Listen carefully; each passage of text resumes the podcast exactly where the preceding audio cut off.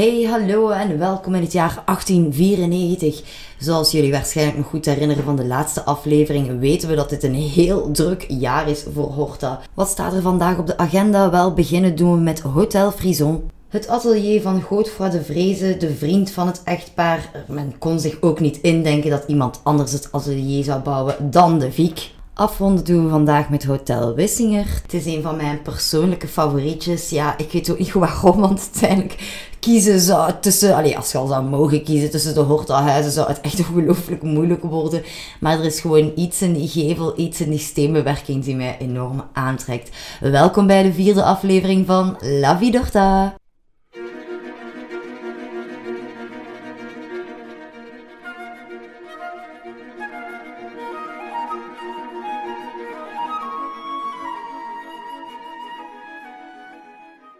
Beginnen doen we dus met Hotel Frison.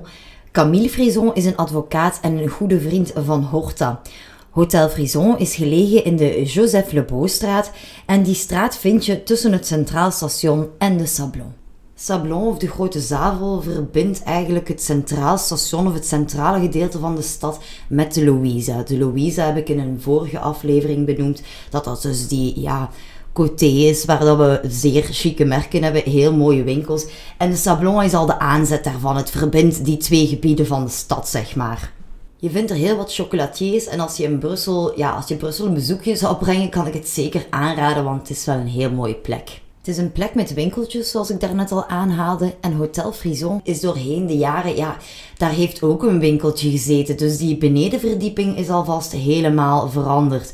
Ben nu ook een beetje aan het twijfelen, leg ik de nieuwe gevel uit of leg ik hem uit zoals hij was? Ik heb een site gevonden waar je de gevel van vroeger ziet en die van vandaag. Waarschijnlijk wordt het een combinatie van beide.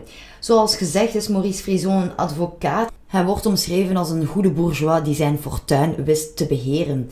Hij wil dus een woning laten bouwen en ja, het is niet hij, maar zijn vader die moet overtuigd worden, want die is wel charmant, maar die zijn smaak is wel wat verouderd. Hij heeft dus niet echt het vertrouwen in Horta, maar wel in zijn zoon en Victor zal dus de opdracht toegewezen krijgen. Als we vooraan de gevel staan, dan lijkt het op het eerste zicht een huis met die traditionele Brusselse indeling. De voordeur is links gelegen en daarnaast zien we een groot raam. Momenteel is dat dus een etalageraam. In de originele gevel was dit ook een raam waar twee consoles, twee stenen consoles uh, voorliepen. Zij ondersteunen het, uh, of ondersteunden het balkon op de eerste verdieping. Nu, wat is er verder nog veranderd? Origineel waren er ook kelderraampjes, om daar dus een raam met toegang uh, in te kunnen maken voor de winkel, zijn deze kelderramen verdwenen. Ter verduidelijking, de toegangsdeur zit dus nog steeds origineel links, maar dat is niet de deur die je neemt om de winkel binnen te gaan. Er zijn dus twee ingangen. De gevel zelf heeft weer die typische horizontale banden die we nu al een paar keer hebben terug zien komen. Het is een combinatie van wit steen en grijze steen. Huis Frison is een rijhuis en de gevel is dus niet zo breed. Door het gebruik van deze horizontale banden geeft hij de indruk van breder te zijn. Uiteraard zijn er ook elementen in Belgisch blauwe hardsteen, die andere favoriet van Horta. En zo is de officiële toegangsdeur, als ik het zo moet zeggen, die dat is meest links zit, uh, extra omgeven door blauwe hardsteen. Die toegangsdeur niet alleen, ik heb al gezegd dat er een balkon is, ook dat is extra verstevigd door blauwe hardsteen. Ik wil daar misschien nog aan toevoegen dat wanneer dat ze die twee consoles hebben weggehaald van het originele raam om dat te veranderen in een etalageraam, dat dat balkon dreigde in te stuiken. Dus ze hebben daar ook nog wel een dikke kluif aan gehad om dat allemaal te voorkomen.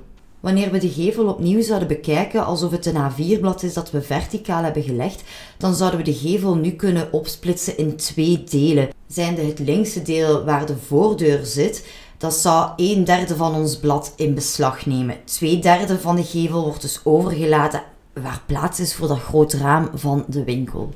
Wanneer we het linkse deel van de woning gaan bekijken, dan zien we boven de ingang een glas in loodraam. Boven het glas in loodraam zien we nogmaals drie vensters boven elkaar. Onder het uh, raam van de tweede verdieping en onder het raam van de eerste verdieping zit ook een verluchtingsmond. In Huis Frison zijn dus drie verdiepingen en net zoals bij Hotel Tassel gaan de vensters naar boven toe, ja die ramen worden steeds smaller. Ik weet ook niet wat dat stoort. Soms zeg ik ramen, soms zeg ik vensters. Ik, ja, ja, iedereen weet dat dat synoniemen zijn voor elkaar, maar ik hoop dat dat niet stoort in de podcast, dat ik daar af en toe gewoon in wissel. Alright, als we dan naar het raam kijken van de eerste verdieping, die waar die verluchtingsmond onder zat, wel dan zijn er naast dat raam nog eens twee en die drie ramen dan, die over de breedte van de gevel lopen, die zijn identiek aan elkaar. Ter verduidelijking, het eerste raam bevindt zich dus boven de voordeur. Die twee andere ramen bevinden zich boven het raam van de winkel, het grote raam van de winkel. Ik had daar juist ook al gezegd dat daar een balkon liep, dus die twee ramen die komen ook uit op het balkon. Voor jullie algemeen beeld, de drie ramen die we zo net bespraken zijn eenvoudige ramen. Zeker als je die gaat vergelijken met die van het gelijkvloers of die op de tweede verdieping. Die zijn groter en ook meer bewerkt. Groter, ze nemen zelf de complete breedte in van dat tweede derde deel van de gevel. Boven het raam van de tweede verdieping zit een petrel. Ik heb al gezegd dat het om een groter raam gaat en het is ook niet perfect vierkant. De vier hoeken van het raam zijn afgebogen. De omliggende steen is op zo'n manier bewerkt dat de hoeken een zekere schwung hebben. Er zijn twee metalen kolonnetten die rusten onderaan op het stuk naast de balustrade. Ter verduidelijking, de tweede verdieping heeft geen balkon, maar het middenste stuk van het venster loopt onderaan iets dieper door. Om dat dieper liggend stuk glas, venster eigenlijk, af te werken is er een balustrade voor geplaatst. Deze balustrade, de petrel en de balustrade van het balkon van de eerste verdieping, die hebben terug die groene kleur. We horen het hier al, Hotel Frison heeft vele elementen die doen denken aan Hotel Tassel. Om het beeld van de gevel te vervolledigen, kijken we tenslotte naar het dak. Boven de petrel, die trouwens over de breedte loopt van het tweede derde deel, springt het dak een stukje in ten opzichte van het eerste derde deel. Het eerste derde deel is dus de linkse zijde van de gevel. En ik had u al verteld dat daar drie vensters boven elkaar waren. We zitten dus nu op het stukje van het derde venster. Als we onze blik dan een beetje naar rechts wenden, naar het inspringende gedeelte, kun je daar ook eh, aan meegeven dat het een schuin gedeelte is. We hadden dus kunnen zeggen dat dat de schuine ja, zijde van het dak was, maar dat stopt dus na het twee derde deel. Eh, ben ik hier nog duidelijk? Het eerste derde deel is dus nog steeds een vlakke gevel. Die twee zijn verschillend van elkaar. Dit schuine inspringende stuk heeft ook die groene kleur. En het dak is een mansardedak. Er zitten nog eens drie ramen onder een kleiner dakje. Om het geheel helemaal af te werken wil ik nog meegeven dat er rechts op het dak een schoorsteen staat. En dan qua interieur, ik ga gewoon elementen meegeven waarvan ik zeker ben en waarvan ik denk dat het interessant kan zijn. Het grote raam beneden, wat dus nu het winkelraam vormt, om het zo te zeggen, want het is ook vandaag geen winkel meer, maar daarover zo meteen meer. Daar zat vroeger het kantoor van de advocaat. Ik heb voor de foto's voor het huis gestaan en dan heb ik even door de brievenbus gepiept, alweer. Ja, ik weet het. Maar daardoor kon ik de aanzet van de trap zien die in het koper vervaardigd is. Er zitten ook weer van die typische Art Nouveau, volute, plantachtige vormen in, die zo ja, de, de leuningen vormen. Dat is ook een zeer gekend element voor Hotel Frison. Dus ik vond het wel leuk dat ik die toch kon zien. Zo kon ik er ook een fotootje van snappen. En dan achter het grote raam op de derde verdieping, daar vinden we de master bedroom, of de slaapkamer van het jonge paar. Uh, beslist daar geplaatst om dat ook te benadrukken dat die kamer belangrijk was. En dan nog een laatste element op de rez-de-chaussée, dus terug op het gelijkvloer. Wel achteraan in de woning ligt een wintertuin. Wat is een wintertuin precies? Vandaag noemen we dat ook wel een orangerie. Het is een soort veranda slash serre, maar je zet daar ja, geen uh, tomaten en dergelijke in. Hè. Dat is altijd een zeer mooie ruimte die gecreëerd is om te genieten. Weer opnieuw een beetje de principes van de logia, van de elementen van buiten, maar bij slecht weer dat je ook beschut zit. Bij Hotel Frison gaat het hier over een lange wintertuin. Hij is gelegen in de lengte rechts achteraan in de woning. Aan de overzijde ligt dan de eetkamer. En de kant waar langs dat we de wintertuin zijn binnengekomen, om het zo te zeggen, ik vermoed dat daar de wachtkamer ligt. Nu, ik vermeld dat omdat het interessant is dat al deze vertrekken uh, door middel van deuren die ook zijn afgewerkt met glas- in loodramen, kleuren groen, goud, gele toetsen. Um, dus al die uh, vertrekken kunnen afzonderlijk afgesloten worden. Ze baden dan ook wel weer in een zee van licht door al dat gebruik van glas. Ook in de eetkamer is een 4 meter lange schuifdeur. Die eetkamer geeft achteraan, net zoals de wintertuin, uit op een tuin. En dat wij deze wintertuin vandaag in al zijn pracht kunnen aanschouwen, dat ligt aan ene vrouw en ik hoop dat ik haar naam correct uitspreek, namelijk Nupur Tron Chowdhury. En om te beseffen hoe dankbaar dat we deze mevrouw moeten zijn, moeten we even gaan kijken hoe dat zij ja, het huis aankocht, in welke staat dat zij, dat zij het toen vond. Hotel Frison is in de handen van de erfgenamen gebleven tot in 1943. Daarna is er een accordeonfabrikant in Hotel Frison gekomen, namelijk Camille Paris. En het is Paris die het grote etalageraam wou om al zijn accordeons in te presenteren. Net zoals in voorgaande huizen is er gekozen voor rijke materialen te gebruiken. Denk daarbij aan parket in de voornaamste ruimte. In de wintertuin ligt bijvoorbeeld ook parket op de vloer. Verschillende houtsoorten uit de Congo voor het meubilair. Marmer voor de hal die een witte kleur heeft. Er is brons gebruikt voor de trapleuning, maar die vinden we op nog plaatsen terug. Denk daarbij aan de vensterspanjoletten. Wat is dat precies? Wel, dat is de manier om oude vensters te openen. De klink die gaat van boven naar beneden in een verticale klinkbeweging, als ik dat zo mag zeggen. En dan is er een staaf die zich verplaatst en zo gaat het raam dan open of dicht. Ik zal daarvan ter ondersteuning ook zeker een foto plaatsen op Instagram en Facebook. Brons werd ook decoratief gebruikt op de schoorsteenmantel in de eetkamer. De schoorsteenmantel zelf bestaat uit marmer doorlopen met rode aders. Op de zijkanten die naar beneden lopen zit een bronzen zwierig motief. En boven de schoorsteenmantel staat een grote spiegel die bijna tot aan het plafond reikt.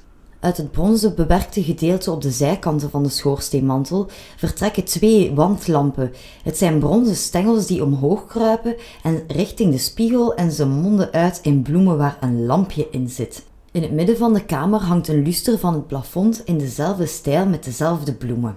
Die bloemen die bestaan uit gekleurd glas in kelkvorm en dat noemen we ook wel bobesjes. En bobesjes, dat is, als je vroeger een kaars daarin zette, die bobesh, die moest het kaarsvet opvangen. Dus nu is dat niet meer voor een kaars, daar zit een lampje, maar de bloemblaadjes vormen dus een bobesh. Maar ik benoemde dus al dat Nopoer zo het huis niet gevonden heeft. En ik hoop dat ze mij vergeeft dat ik haar voornaam gebruik, maar ik ben al blij dat ik hem ene keer die een achternaam er juist heb uitgekregen. Je weet ondertussen dat Horta graag werkte met materialen uit de industrie en deze ook graag zichtbaar liet. De wintertuin die bestaat uit glas en een metalen constructie. Alle zijdeuren waarvan ik daar juist had gezegd dat je die dus kon afsluiten, die waren verwijderd. De glazen koepel was vervangen door een vals plafond en het hele decor van de woning zat achter een dikke laag witte verf. Je moet weten dat Nupur Indische roots heeft. Wanneer dat zij de woning kocht, ja, wist zij niet dat het over een hortehuis ging. En wanneer dat zij daar zelf herstellingswerken aan begint te doen, dan komt zij dus op die decoratieve patronen. Want ja, ik heb die bij Hotel Tassel bijvoorbeeld wel besproken, die plantmotieven op de muren. Ja, ook hier weer gaat het over een totaalplaatje. Hè? Dus ook doorheen de woning van Huis Frison zijn zeker van die elementen te vinden. Wanneer Nupur deze decoratieve patronen ontdekt, dan zegt ze zelf dat het daar terug doet denken aan haar kindertijd. Een huis compleet in Art Nouveau-stijl, ja, dat is redelijk druk, kleurrijk, hetgeen zij wel kon smaken. Wat ze minder kon smaken is dat zij niet eens bewust was van het feit dat het een Horta-huis was. En ook dat België eigenlijk niet zo stoeft met Horta. Dat is niet gelijk Barcelona met Gaudi of zo. Ik vind zelf ook dat wij Horta niet genoeg naar voren schuiven als Belgische trots. Ik mag dan ook hopen dat mijn podcast daarmee een verschil in kan maken. Nu goed, ik had jullie verteld dat de woning tot in 1943 in de handen van de erfgenamen van Frison bleef. Maar dan skip ik de hele periode waarin de familie zelf in het huis gewoond heeft. De familie trekt in het huis in 1895 en ze doen dit samen met een chauffeur, een concierge en drie bediendes. Wanneer ze er een jaartje wonen, wordt het gezin uitgebreid met de komst van hun eerste dochter. De familie is erg tevreden met hun huis en ze geven Horta een tweede opdracht voor een villa in Ukkel. Deze villa krijgt de naam Les Épignettes en het is ook daar dat een tweede dochter geboren zal worden. We gaan die villa ook kort bespreken, maar dat is voor zometeen. Vanaf ze deze villa in Ukkel hebben, verdeelt Maurice Frison zijn tijd over Brussel en Ukkel. Hotel Frison werd het drugsbewoonst in de jaren 1910 tot de jaren 1920. Toen was een van de dochters, Marie-Claire Frison, reeds getrouwd met André Moulin en zij hadden negen bediendes, waarvan er drie nog kinderen waren. Je moet zien, op dat moment was er maar leerplicht tot 12 jaar en school was ook niet gratis, dus het was ook eerder iets voor kinderen uit rijke gezinnen. Zwat, ze leven daar dus met al dat volk onder één dak en Maurice Frison die zal aan Horta vragen om achteraan de woning, ter hoogte van het tussenverdiep, een bijgebouw toe te voegen. Horta zal deze opdracht aanvaarden, maar enkel en alleen omdat hij niet wil dat een ander zijn werk zou verknoeien. Wat zomaar even gekund had, want net zoals Hotel Tassel is Huis Frison een smalle woning die in de diepte doorloopt. Als je er niet genoeg aandacht voor hebt, dan maak je al snel een donkere woning van en dat is voor Horta natuurlijk een big no-no. Nu, ik denk wel dat we ons iets bij kunnen voorstellen dat wanneer je iets hebt opgebouwd met hart en ziel en dan willen mensen daar wijzigingen aanbrengen, ja, dat dan natuurlijk wel pijn doet. Om het in Horta zijn eigen woorden te zeggen. Eigenlijk hield ik meer van mijn kunst, van mijn intellectuele kinderen, dan van mijzelf. Elke aanslag die men er tegen pleegde, joeg nog lang voor mijn lichaam een deel van mijn hart de dood in. En toch, en gelukkig maar, had Huis Frison ook aanhangers. En niemand minder als Karel Buurs. Karel Buurs is de toenmalige burgemeester. En wanneer die een wandelingetje maakt en voorbij Huis Frison komt, dan denkt hij: Ha, die mens, die architect, die moet ik contacteren. Ja, die, die moet voor mij ook iets bouwen. Alleen voor mij, voor de stad. En die zal er dus ook voor zorgen dat Horta zijn tweede officiële opdracht krijgt. Maar dat is voor een andere aflevering. We gaan nu nog even kort kijken naar Villa Les Epignettes, wat zoveel betekent als spelden of pinnen. Waarom dat ze die Villa Speld hebben genoemd, geen idee hoor. Maar zoals eerder besproken was Ukkel de Buiten een echt groene gemeente die op dat moment nog dun bevolkt was. Villa Les Epignettes is gelegen op de Ringlaan en dat is vlakbij het observatorium van het KMI. En het KMI is het Koninklijk Meteorologisch Instituut, dus waar ze het weer voorspellen. Maurice Frison die had een open stuk terrein gekocht waarop een vrijstaand landhuis zou komen. Horta zal later nog landhuizen bouwen en dat is iets dat hij wel graag doet. Hij moet er immers geen rekening houden met opgelegde voorschriften zoals dat in de stad wel het geval was. De enige vereiste was dat het landhuis of de villa moest afgestemd zijn met de omliggende natuur. Er stonden fruit- en sierbomen, er waren stallen en koetshuizen, zodat de eigenaars konden gaan paardrijden in de groene omgeving. Maar evengoed wanneer het nodig was dat ze snel in de stad konden zijn. Hortas die zei er zelf over... Je keek er als het ware over. Het was eerder een nestje in het groen dan een pronkhuis. End quote. Om toch een idee te geven van hoe dit nestje er dan wel mag uitzien, wel, de villa is opgetrokken uit zandsteen van Grand Gliese. En die zandsteen heeft allemaal verschillende kleurschakeringen. Kleuren zoals geel, oker, bruin, maar ook rode tinten. De ingang van de woning is centraal gelegen en die is te bereiken met een trapje van ongeveer een vijftal treden, dus een kort trapje. Dit trapje is aan beide zijden voorzien van leuningen gemaakt uit smeedijzer. Wat nog leuk is om te weten is dat de villa negen hoeken heeft en er zijn dus veel in- en uitspringende delen aan de woning. Daardoor heeft die woning ook allemaal verschillende daken en die daken hebben een dakoversteek. En wat is dan nu weer? Wel, dat is precies alsof dat dak een beetje te groot gebouwd is. Er komt dus een stukje eigenlijk erover. Dat overhangend stukje heeft een paar voordelen. Het beschermt het huis wanneer dat bijvoorbeeld hard regent of sneeuwt, maar ook wanneer het warm weer is en de zon zit daarop, dan creëert het een klein hoekje van schaduw. Verder zijn er ook heel veel ramen, zoals altijd, voor veel lichtinval in de woning. En die hebben allemaal luiken die wit geschilderd zijn. Ik had u ook verteld dat er een stal was voor de paarden en een daarbij horend koetshuis. Wel, dat uh, bevindt zich links voor de woning aan de straatzijde. En om het uh, terrein al nog af te sluiten, is er een hek dat ook opnieuw bestaat uit smeedijzer. De binnenhuisinrichting deed Horta niet, wel had hij aandacht voor de deurklinken. En hiermee zijn we aan het einde gekomen betreffende het stukje van de familie Frison. Next on the agenda is het atelier van Godefroid de Vreese. Je weet wel, die man die eigenlijk zo goed als familie was voor Pauline en Horta. Het betreft hier voor de verduidelijking dus geen woning, enkel en alleen een atelier. En dat atelier is gelegen in de Vleugelstraat 71 te Schaarbeek. Om dat wat beter te situeren, dat is niet ver van de Place Collignon, oftewel het Collignonplein. Dat is ook het plein waar het gemeentehuis op staat van Schaarbeek. Als je de eerste keer op dat plein komt, of ik vond dat althans, is dat toch wel ook weer een, een zeer aangename indruk. Zeker als je van architectuur uh, houdt. Het gemeentehuis zelf is omgeven door woningen van eind de 19e eeuw, dus ja, dat past hier ook volledig in mijn straatje. Hè. Het pand bestaat nog steeds, maar dat is wel volledig onherkenbaar geworden. Wij hebben daar ook geen oude foto's van, maar de oude bouwplannen bestaan wel nog. Dus ik kan jullie aan hand daarvan toch een beschrijving geven van hoe dat er origineel uitgezien heeft. We bekijken dus de gevel frontaal en dan zien we dat het een eenvoudige gevel betreft. Wel, zoals we ondertussen al van Horta gewend zijn, heeft de gevel een witte, bleke kleur met wederom die drie grijze horizontale banden die over de onderzijde van de gevel lopen. De ingang is een dubbele deur en die is centraal gelegen. De dorpels en de omlijsting van die deur die lijken mij in blauwe hardsteen. Links en rechts zijn twee ramen die bijna even hoog zijn als de toegangsdeur. Voor deze ramen zit tralies.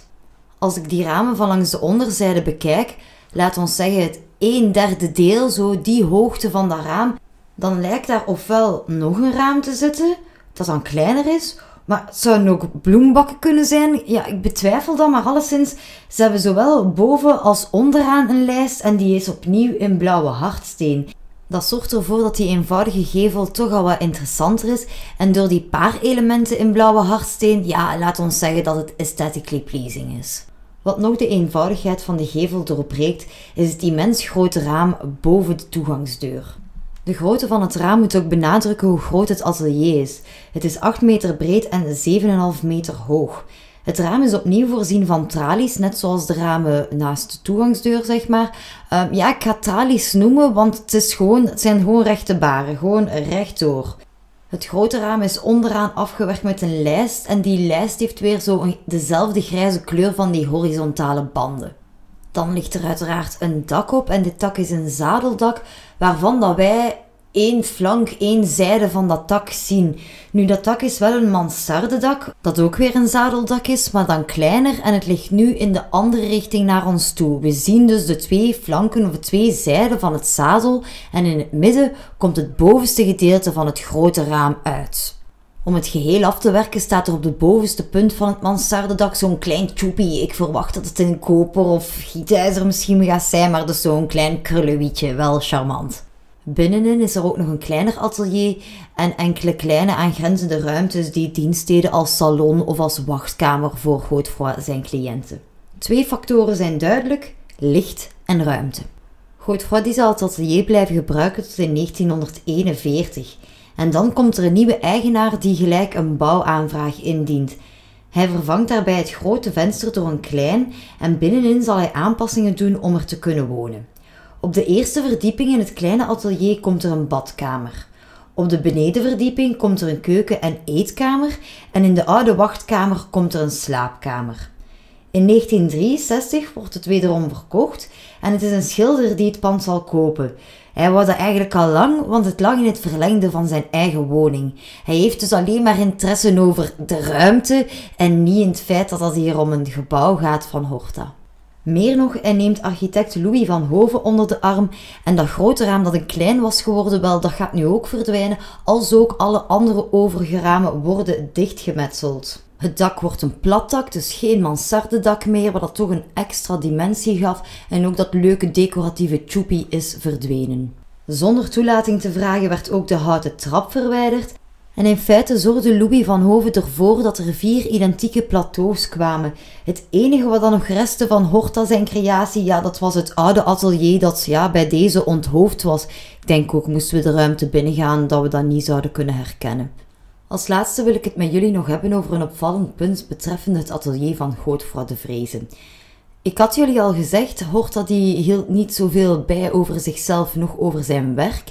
Nu, hij had die opdracht wel gegeven aan zijn medewerkers die dat natuurlijk wel zeer correct deden. Naast de aanvraag en de indiening van de bouwplannen beschikken we enkel over een bestelling van de stenen en het gietijzer. Dat is toch eigenaardig? Het gaat hier over zijn beste vriend. Samen hebben ze deelgenomen aan tal van wedstrijden. Het is en plus Godefroy die Victor voorstelde aan de loge. Die kwam bij hem thuis, hij was zo goed als familie, er waren koosnaampjes voor elkaar. Ja, bizar. En dan is het tijd voor Hotel Wissinger. Uh, ja, ik denk sowieso, het zal wel verraden. Ik heb het ook al in een vorige aflevering gezegd dat het een huis is die mij heel hard aantrekt. Voor deze podcast ga ik uiteraard foto's gaan trekken van Victor zijn huizen.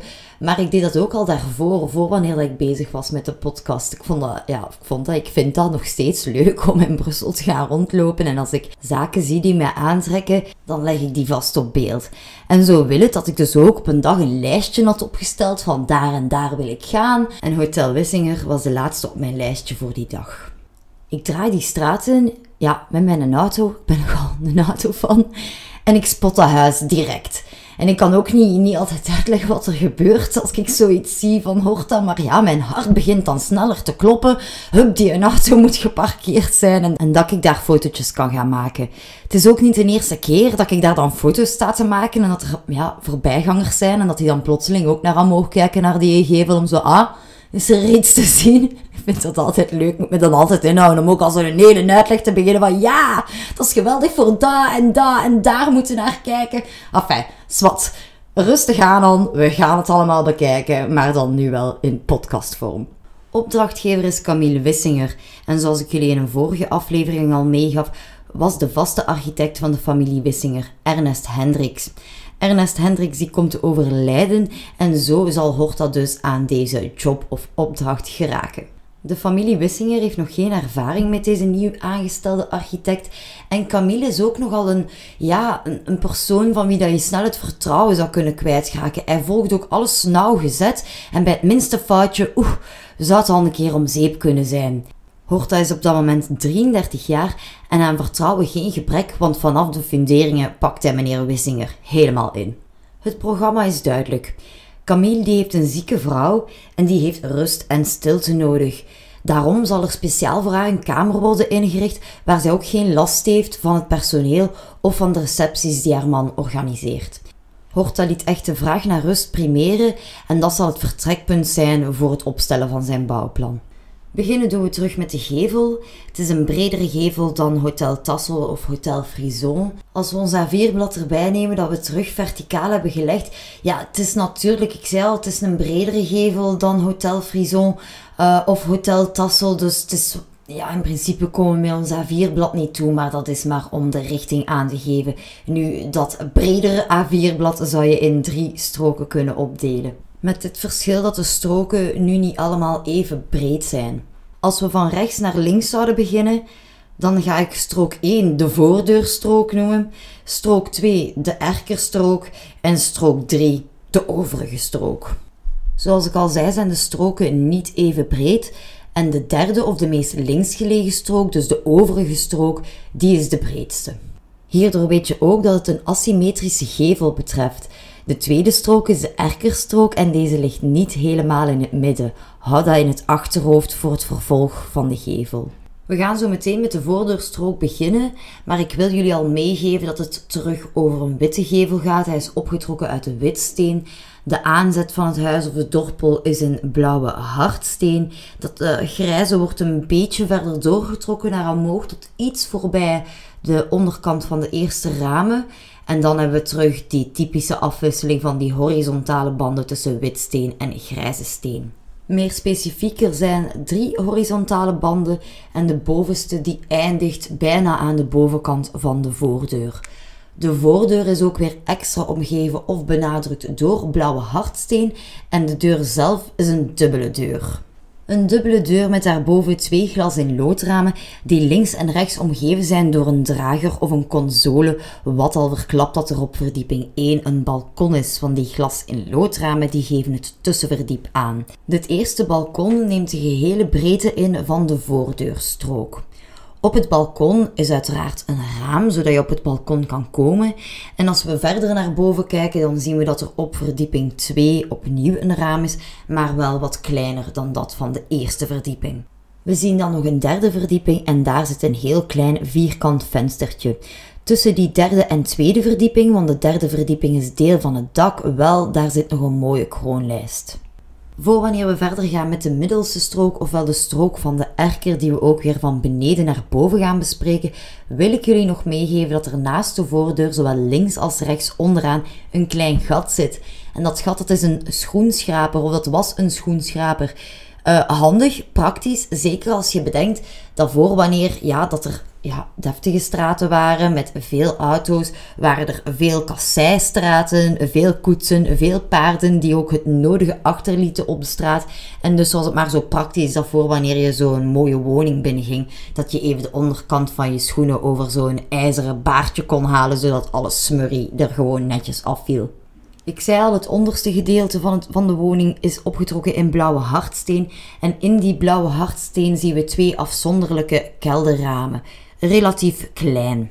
Relatief klein, maar niet zo klein als bijvoorbeeld bij Hotel Tassel. We moeten er nu niet over twijfelen. De bewoners van de wijk hebben er ditmaal ook niet over getwijfeld. De keuken en de personeelsvertrekken, of alleszins de vertrekken waar het personeel heel veel van zijn tijd doorbracht, zitten in het souterrain. Boven die twee kelderraampjes, waar dat de, dus ik had gezegd dat de aanzet van het huis in blauwe hardsteen was, wel waar die blauwe hardsteen stopt, ter hoogte van die lijn zijn opnieuw twee vensters, twee ramen. En die ramen die worden gescheiden door een muurdam, maar een muurdam gehouden uit blauwe hardsteen. En het is dit stukje ja, dat mij zo aantrekt, waar dat ik eigenlijk zo zot van ben, als ik het zo mag zeggen. Ik had jullie ook gezegd dat er een erker is in deze tweede kolom. En deze erker komt zoals altijd een beetje meer naar voren uit de gevel. En daardoor is de bovenkant van die twee raampjes, waarvan ik zei dat ze mij zo aantrokken, dat heeft een breder uitkomend stukje. Ah ja, logisch.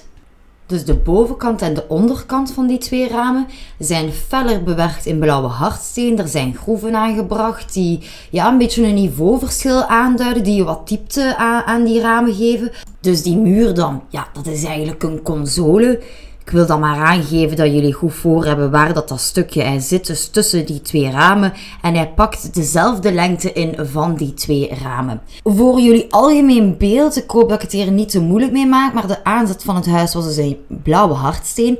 En daarna hadden we een afwisseling tussen die witsteen en grijze steen die die horizontale banden vormden. Ik had u gezegd, er zijn drie horizontale grijze banden. Wel, het stukje van die twee ramen, die lopen op dezelfde hoogte van die drie horizontale horizontale banden. Ik wil hier nog aan toevoegen dat die bovenste lijn doorgetrokken wordt tot boven de voordeur. Dat gaat dan in een zwierige lijn. Het zorgt er ook voor dat voor ons oog het geheel allemaal goed samenpast.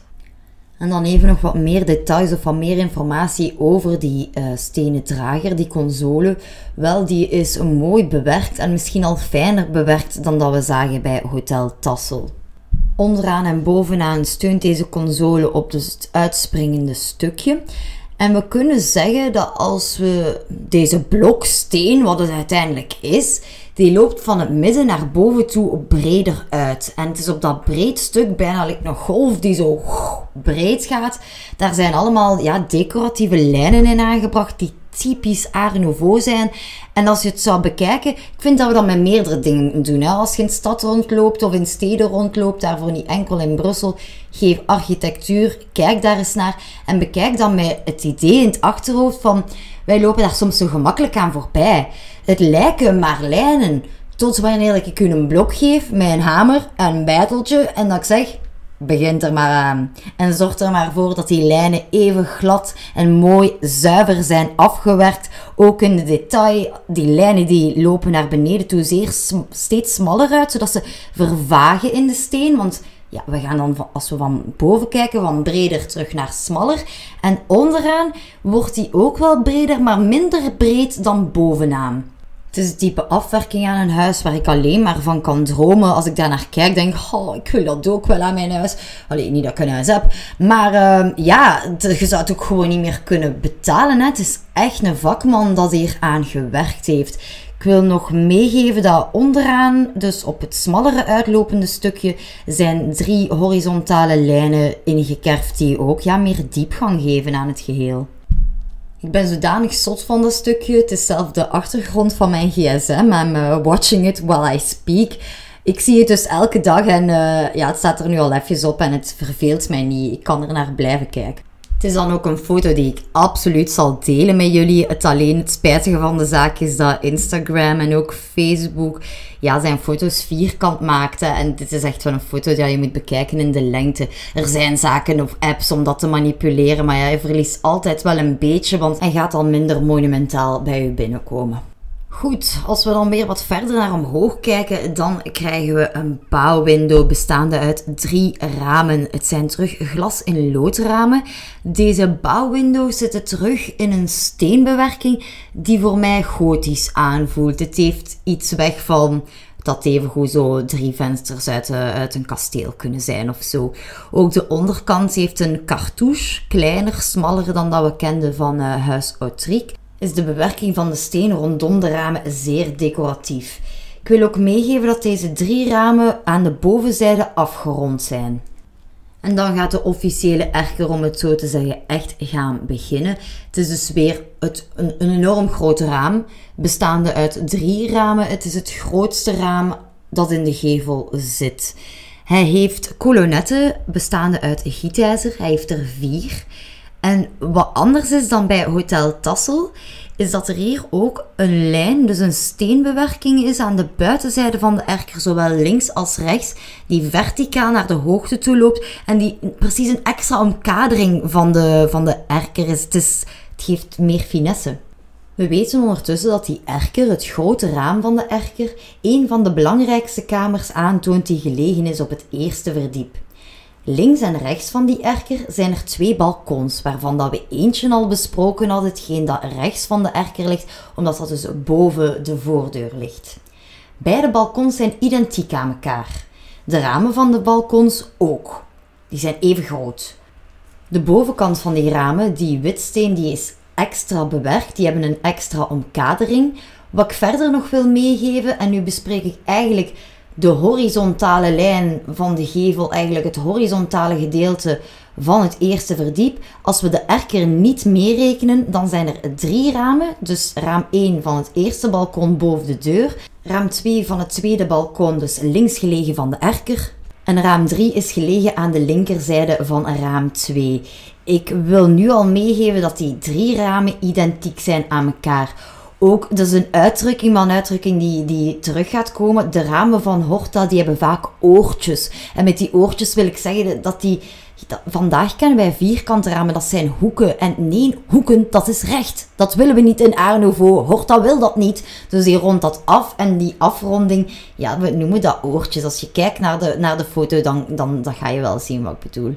Voor wanneer dat we verder gaan met verdieping 2, wil ik nog meegeven twee balkons die balkons die hangen daar ook niet zomaar te hangen. Nee, die hebben dus ook weer kolonetten. Ze hebben er elk twee één langs elke buitenste zijde. En als je dus naar die gevel kijkt, ja, we hebben daar al veel meer steenbewerking rond die drie, ja, rond die drie glas- in loodramen.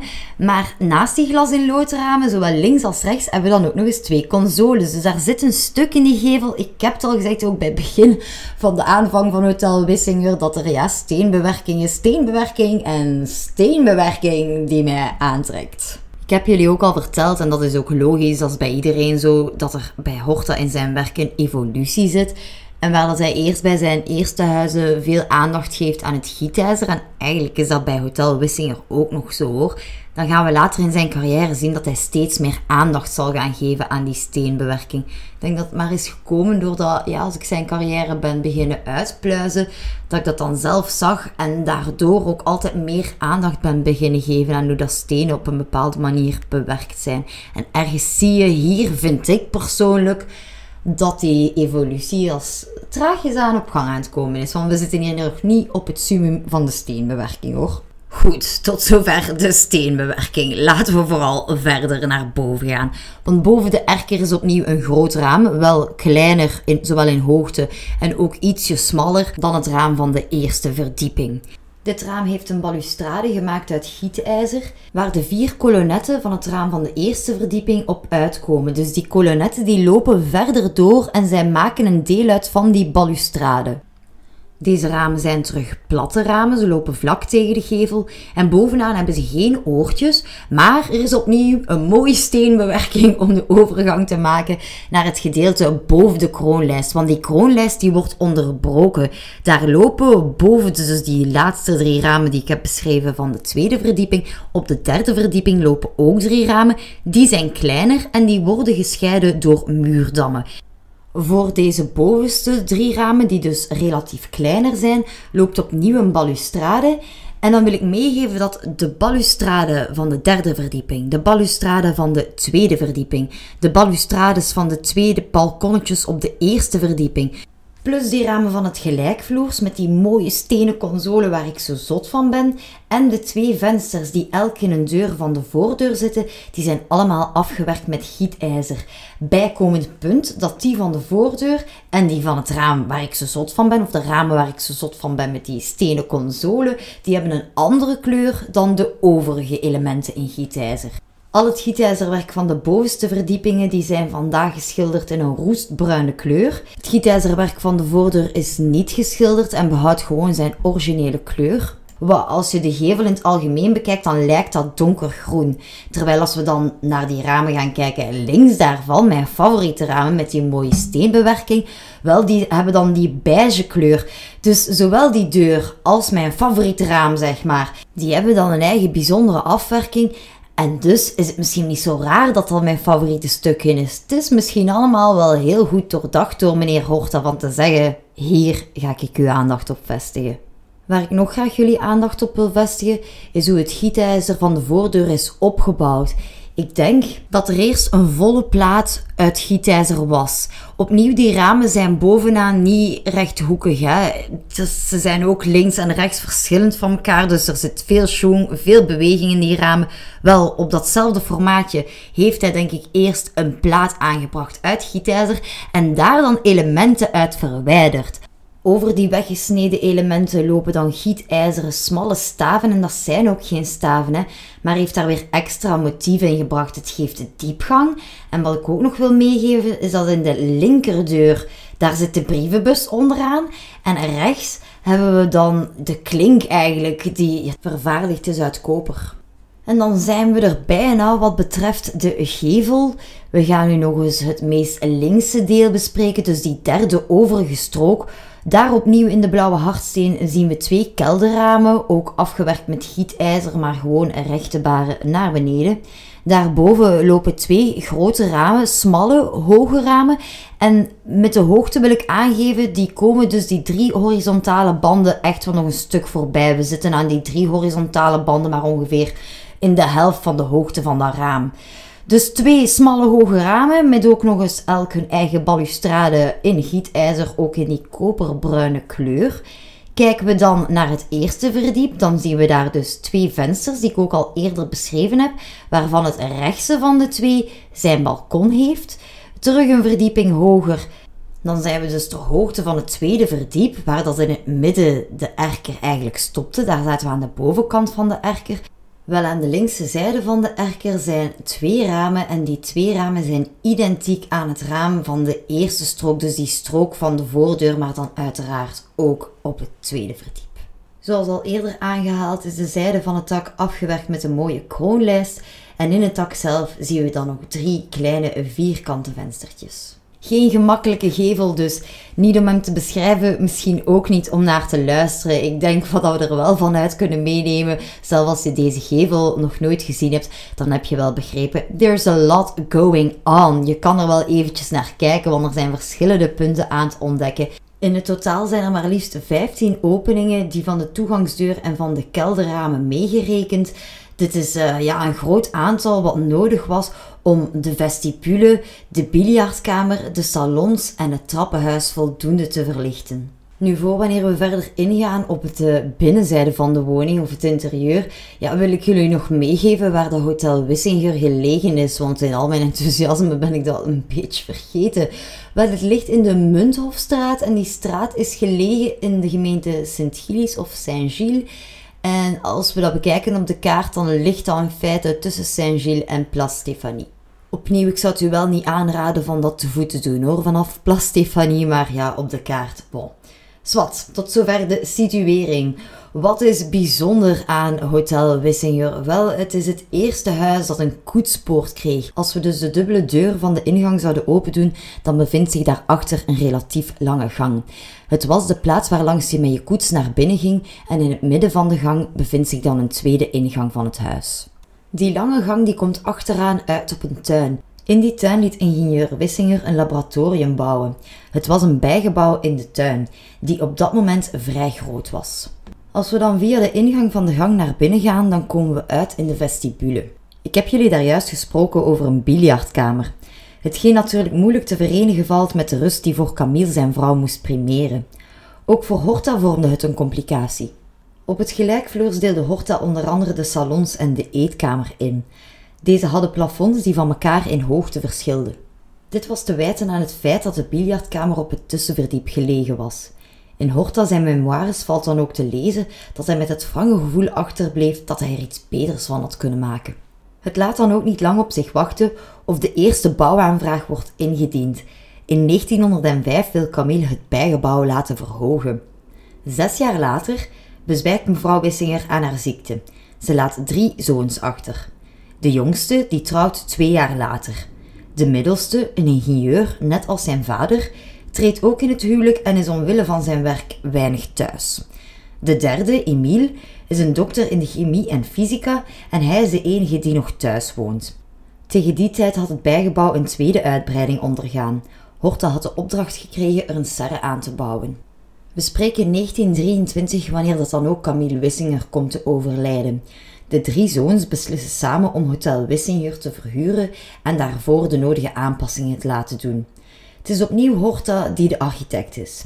Hij moet het gebouw omvormen tot drie luxe appartementen. Er komt ook een Frans dak op de woning. Die laatste verdieping die ik met jullie besprak met die kleine vierkante ramen is dus een latere toevoeging. Deze werken waren nauwelijks voltooid of er volgden opnieuw aanpassingen. Horta zou niet meer meewerken aan deze vernielingen. De serre die hij 15 jaar eerder had bijgebouwd werd afgebroken. Het plafond van een van de belangrijkste kamers van het huis werd verlaagd om ze op eenzelfde hoogte te brengen van de andere kamers. We spreken ondertussen ongeveer tussen jaren 1932 en 1935. De bewoners van het huis moeten de oorlog hebben voelen naderen, want ze verlaten het gebouw. Het werd onmiddellijk ingenomen door Poolse Joden die Berlijn waren ontvlucht. Uit rode stempels blijkt dat ze zich lieten inschrijven in het Jodenregister. Sommige ambtenaren van de gemeente probeerden mensen hiervoor te waarschuwen, maar dat was niet altijd met evenveel succes. Enige tijd later werden deze mensen dan ook opgepakt door de Gestapo. Na Wereldoorlog 2 kwam er een nieuwe eigenaar in, Le Lion Belge. Zij zouden op het gelijkvloers een glasraam hebben laten aanbrengen met daarin hun initialen. Nu, dat glasraam dat lijkt mij nog wel oké. Wat ze verder doen is niet oké. De tuin wordt zo goed als volledig ingenomen door hun kantoren. De stad eiste wel dat ze een klein stukje tuin zouden overlaten. Het zal duren tot 2006, wanneer het gekocht wordt door Invest Immo Belgium, dat Hotel Wissinger zijn uitzicht van weleer gedeeltelijk terug zal krijgen. Toen de aanpassingen werden gedaan voor de drie luxe appartementen, was ook Hortas monumentale trap verdwenen.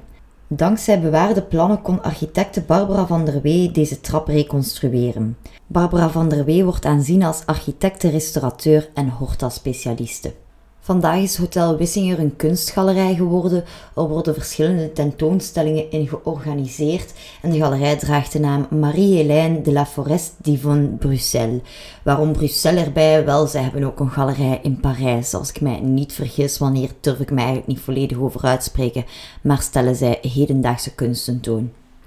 En hiermee zijn we dan aan het einde gekomen van aflevering 4. Het was een dikke boterham. Hè. Ik denk zeker het stuk over Hotel Wissinger. Ik twijfel er ook een beetje aan om de volgende aflevering misschien op een andere manier in te spreken. Misschien moet ik de gevel toch wat minder gedetailleerd doen. Uh, de volgende aflevering of afleveringen, want misschien wijd ik er twee aan, gaat over Hotel Solvay. Ernest Solvay al bijna een even grote klok van een naam als Victor Horta himself. Of course is Horta wel de favoriet, don't get me wrong. Maar ik wil zeker ook de nodige aandacht en tijd besteden aan Ernest Solvay en Hotel Solvay. Afronden doen we terug met de bronvermelding. Als rode draad voor mijn verhaal Michel Goslaar met haar boek Victor Horta. En voor het algemene tijdsbeeld Diane de Keizer. Al deze info en overige informatie is terug te vinden op Instagram en Facebook onder La Vie d'Horta, de D van Delta voor Horta. Ik zal daar ook enkele foto's plaatsen van de kaften van de boeken die ik zo net besproken heb. Mochten jullie deze podcast appreciëren, dan zou het mij heel blij maken moesten jullie deze een review willen geven. Op Spotify kan dit heel simpel. Het is gewoon het aanklikken van een aantal sterretjes. Het zorgt ervoor dat ook andere mensen deze podcast kunnen vinden. Heel erg bedankt voor het luisteren en dan hopelijk tot volgende week. Bye bye.